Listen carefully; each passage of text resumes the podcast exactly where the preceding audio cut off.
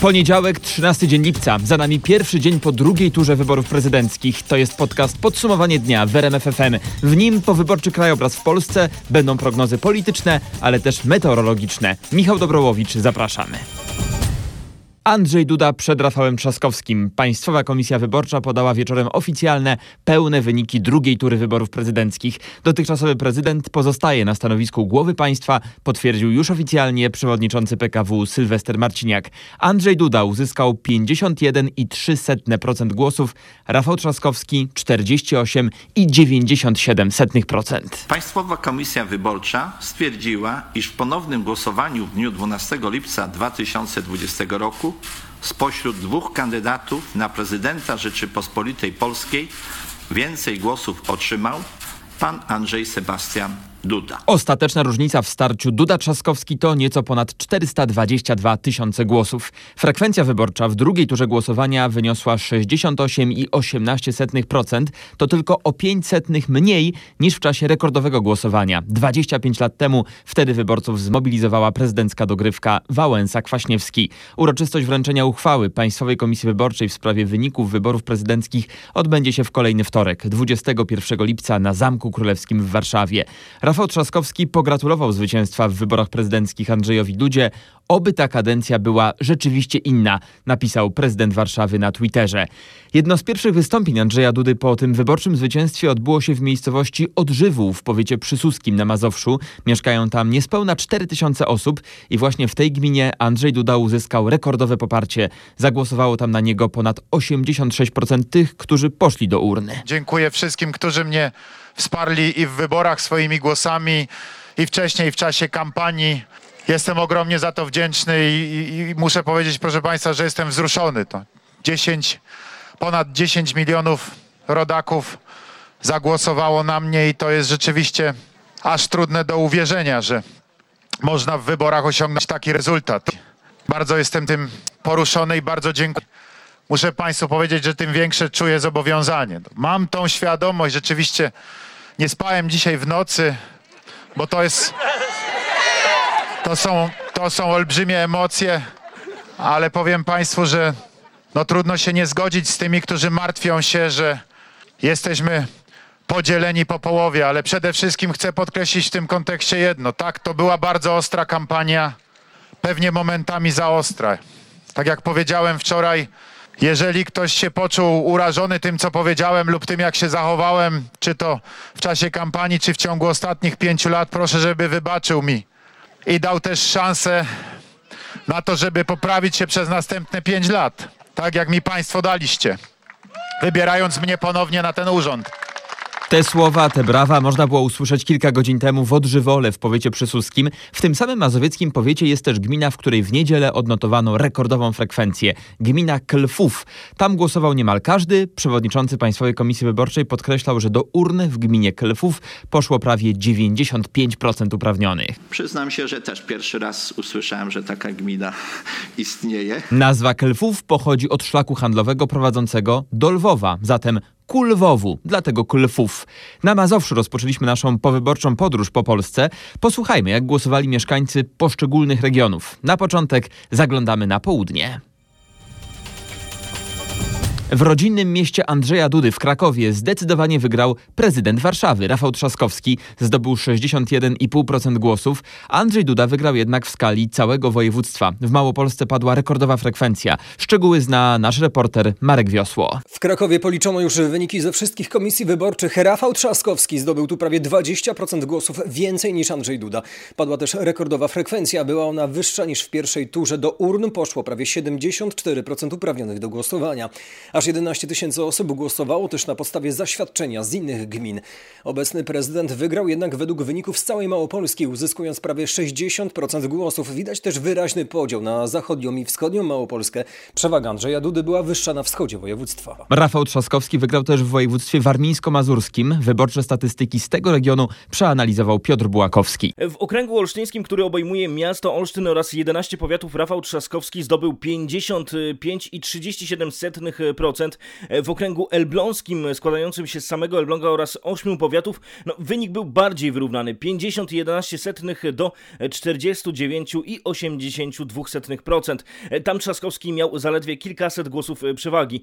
Wyższa frekwencja była w okręgu olsztyńskim, wyniosła 62,7%, w okręgu elbląskim 60,5%. Dodam, że w pierwszej turze w tych dwóch okręgach wygrał Andrzej Duda. Urzędujący prezydent wygrał też, i to nie jest zaskoczenie, we wschodnich województwach. O wynikach z tej części kraju nasz reporter Krzysztof Kot. Na Lubelszczyźnie żadnej sensacji. Andrzej Duda 66,31% głosów. Przegrał tylko w Lublinie, gdzie Trzaskowski miał 51,24%. W pozostałych dużych miastach w regionie, w Białej Podlaskiej i Zamościu Andrzej Duda miał ponad 56%, w Chełmie ponad 53%. Najwyższe poparcie w powiecie janowskim, gdzie zagłosowało na niego ponad 84% wyborców. Podsumujmy, Andrzej Duda wygrał we wschodniej i południowej części kraju, Rafał Trzaskowski w województwach zachodniej i północnej Polski. Trzaskowski zwyciężył w 10 województwach, Duda w 6.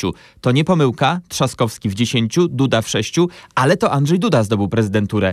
Jak to wytłumaczyć? O tym Mariusz Piekarski. Andrzej Duda wygrał bardziej przekonująco w swoich sześciu regionach niż Trzaskowski w swoich dziesięciu.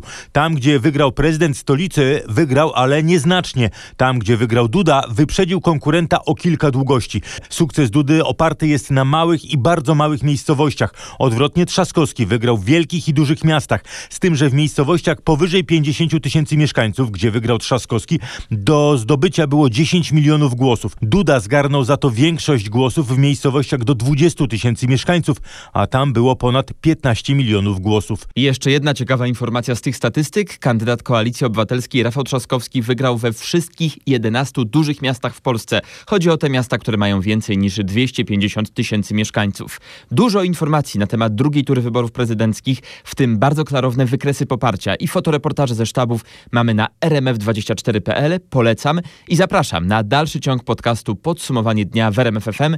Czas sprawdzić, co te dokładnie analizowane przez nas wyniki wyborów prezydenckich oznaczają dla nas i dla naszych portfeli. Obniżanie podatków i utrzymywanie wszystkich programów socjalnych to podstawowe gospodarcze zapowiedzi Andrzeja Dudy w kampanii. Krzysztof Berenda z redakcji ekonomicznej RMFFM przypomni teraz, z czego będziemy rozliczać prezydenta przez najbliższych pięć lat. No, flagową obietnicą Andrzeja Dudy było utrzymanie programów takich jak 500 plus na każde dziecko i 13 emerytura. Ja tych programów, które wspierają rodzinę, absolutnie nie, po, nie pozwolę ich ani pogorszyć, ani nie daj Boże, nie pozwolę ich zlikwidować.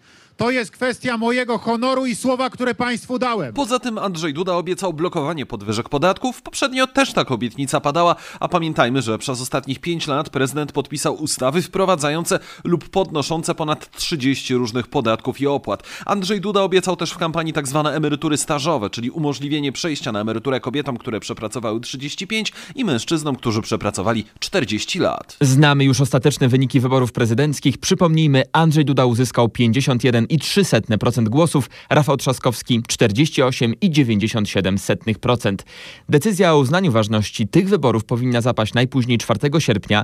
Wieczorne obwieszczenie PKW otworzyło drogę ostatniego etapu procedury wyborczej, czyli rozpatrywania protestów wyborczych przez Sąd Najwyższy. Sztab Rafała Trzaskowskiego będzie składał takie protesty, ale sztabowcy nie liczą na zmianę wyniku. Prawie pół miliona głosów jest nie do odrobienia, tak mówił kilka godzin temu jeden ze współpracowników kandydata Koalicji Obywatelskiej. W czasie wieczoru wyborczego Rafała Trzaskowskiego szef PO Borys Budka zwracał uwagę na liczne nieprawidłowości, zwłaszcza przy głosowaniu za granicą. Zapowiadał wniosek o odwołanie szefa MSZ Jacka Czaputowicza i sugerował złożenie protestów wyborczych. W poniedziałek jednak współpracownicy Trzaskowskiego byli już mniej przekonani do takich protestów.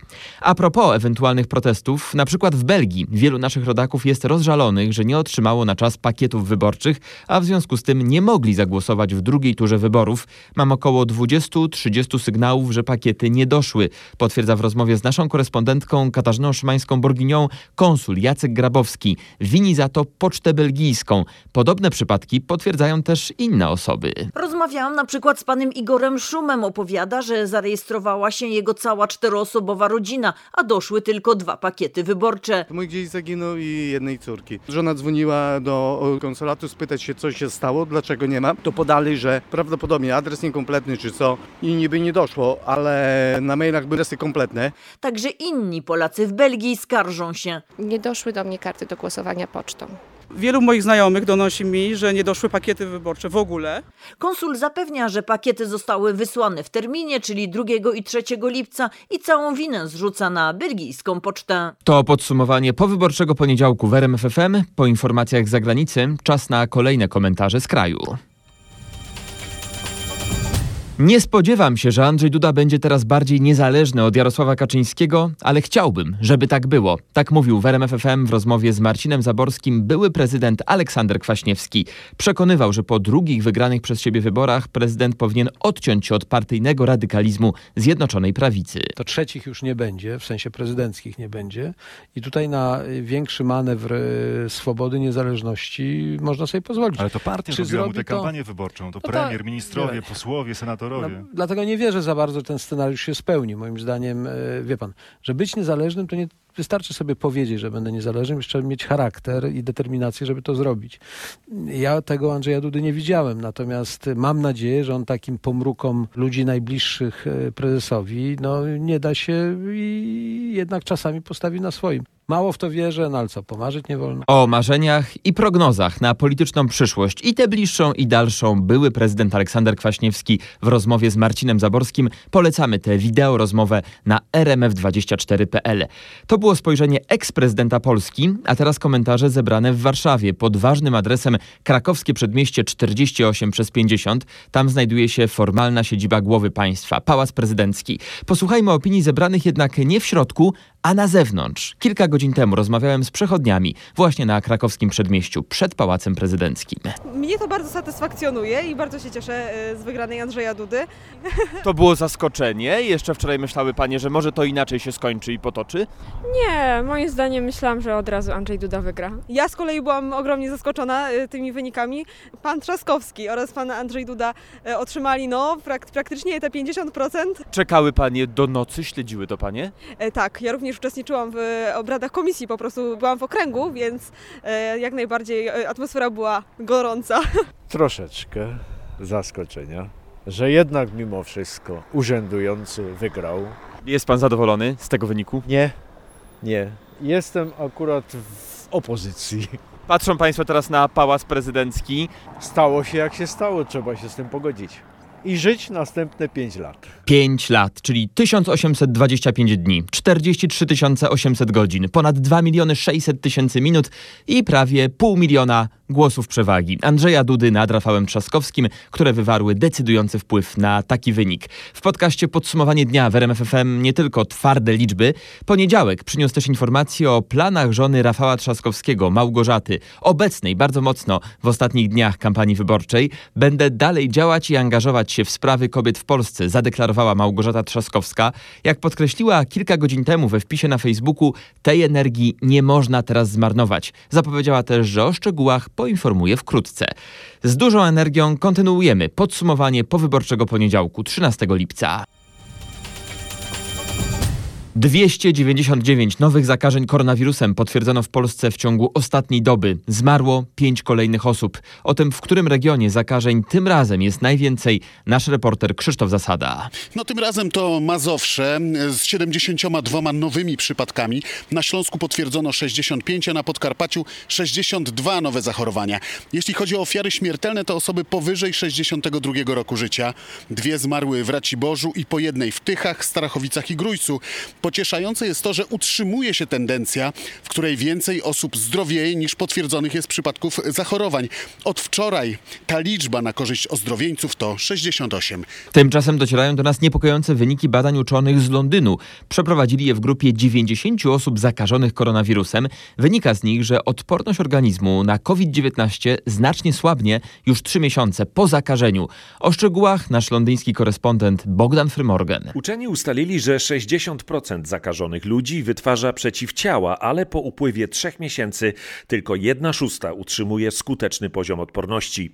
Naukowcy nie wykluczają zatem, że COVID-19 mogą po roku zakazić się te same osoby, podobnie jak jest to w przypadku zwykłego przeziębienia.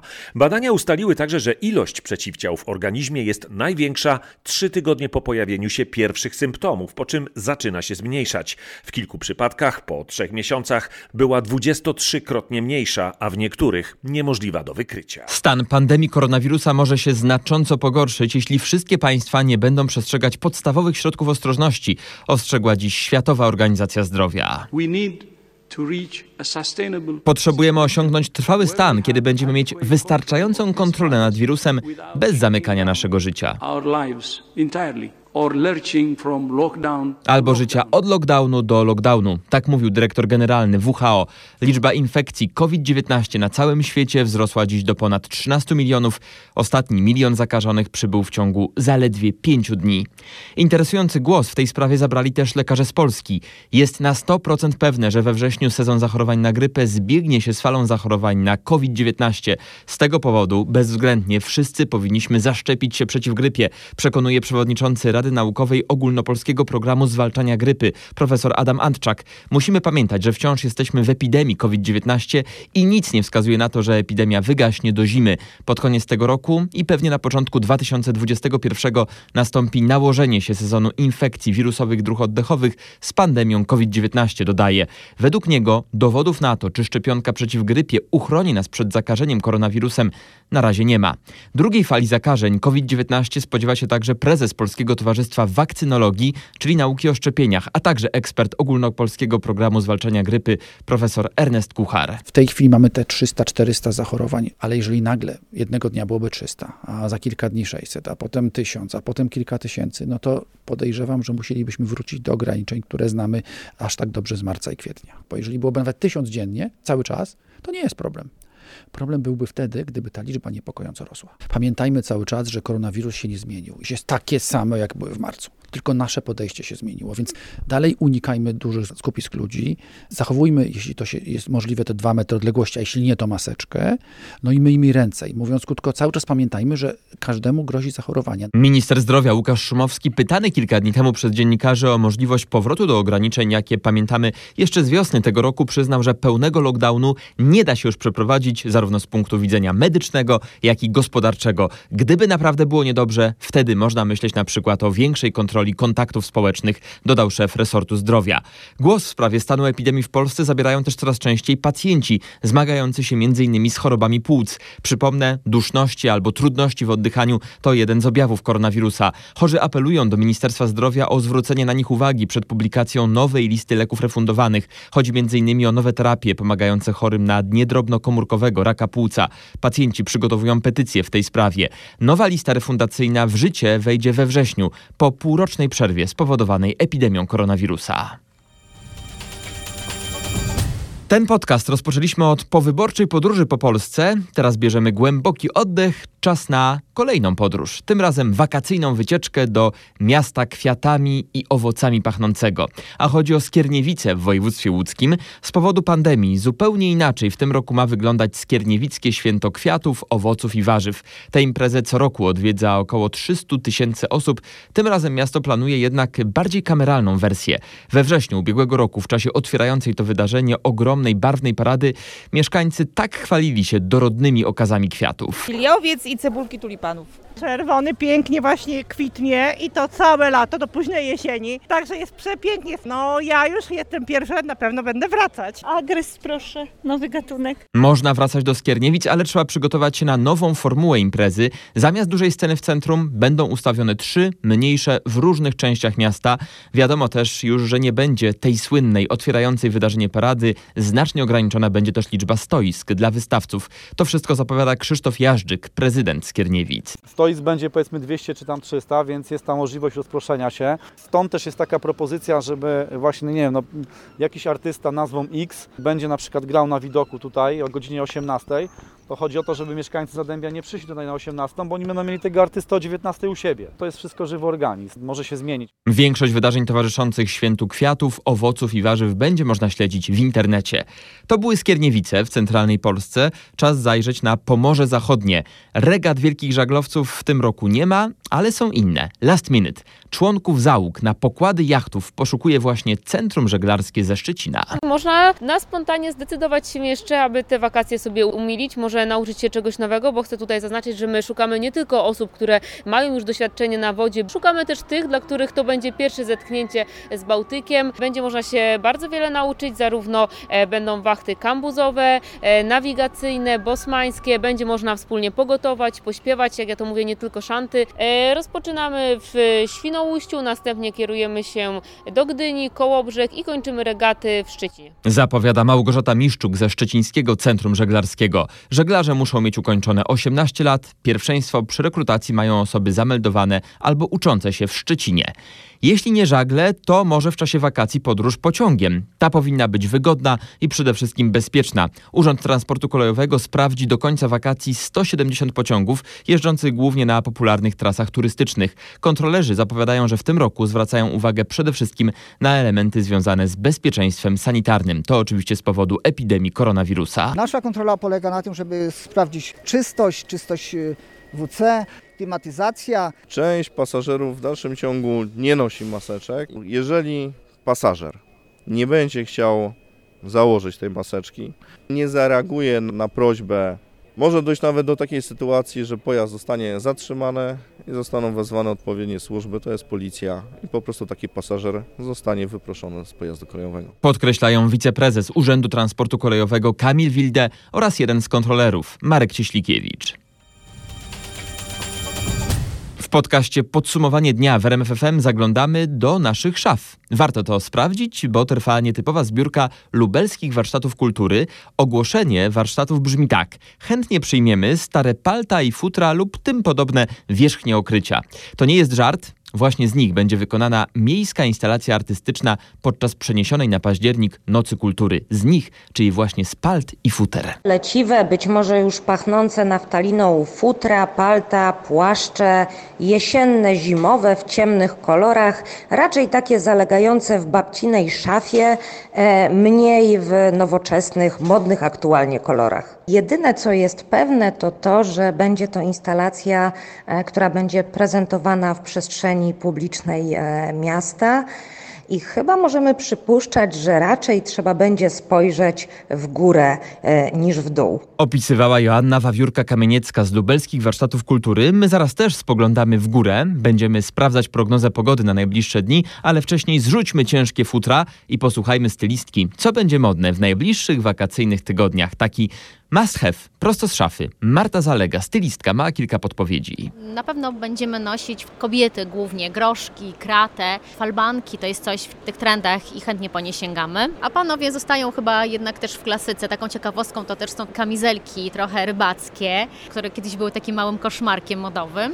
No ona była w kolorze takim cielistym, trochę takim lekko pisatiowym, zielonym, w kolorze nude, może być też czarna. Stawiam na białe buty, uwaga, e, one są bardzo modne. E, Też kolor niebieski e, też się przejawia, natomiast wybierajmy tak jak to, czym myślimy. Nie tylko moda, ale też pogoda może sprawić, że będziemy dobrze czuć się w najbliższych dniach, a tu na horyzoncie znów widać burzę.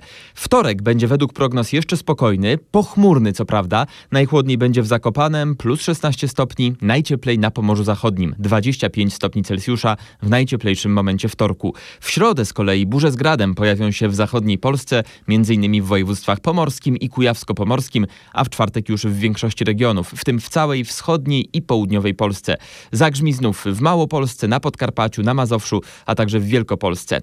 Na koniec podcastu podsumowanie dnia w RMFFM Wakacyjna Akademia Pogody. Posłuchajmy synoptyka Grzegorza Walijewskiego. Skoro prognoza wygląda właśnie w taki sposób i burze są coraz bliżej Polski, na co powinniśmy zwrócić uwagę na niebie, żebyśmy sami, bez specjalistycznej aparatury zauważyli, czy burza faktycznie jest blisko? Burza występuje tylko pod jednym typem chmury, to jest cumulonimbus. Ta chmura wypiętrza się bardzo szybko w górę, widzimy wręcz jak rośnie w oczach. Taka kłębiasta i wówczas jest bardzo niebezpieczna sytuacja. No a jeżeli już ta burza jest bardzo mocno nasycona wodą, to zmienia swoją barwę. Z takiej pięknej białej się robi szara, a wręcz ciemna, no to wtedy znaczy, że jest ona naprawdę już niebezpieczna. I taki ciemny widok pojawi się pojutrze na niebie w większości regionów Polski. Według prognoz długoterminowych druga połowa lipca w Polsce będzie bardziej deszczowa niż burzowa. Burze wrócą jednak już w sierpniu. Takie są fakty. W RMF FM fakty co godzinę przez całą dobę na bieżąco aktualizowane na naszej stronie rmf24.pl. Polecam, to było podsumowanie powyborczego poniedziałku z prognozami nie tylko politycznymi na najbliższą przyszłość w RMF FM.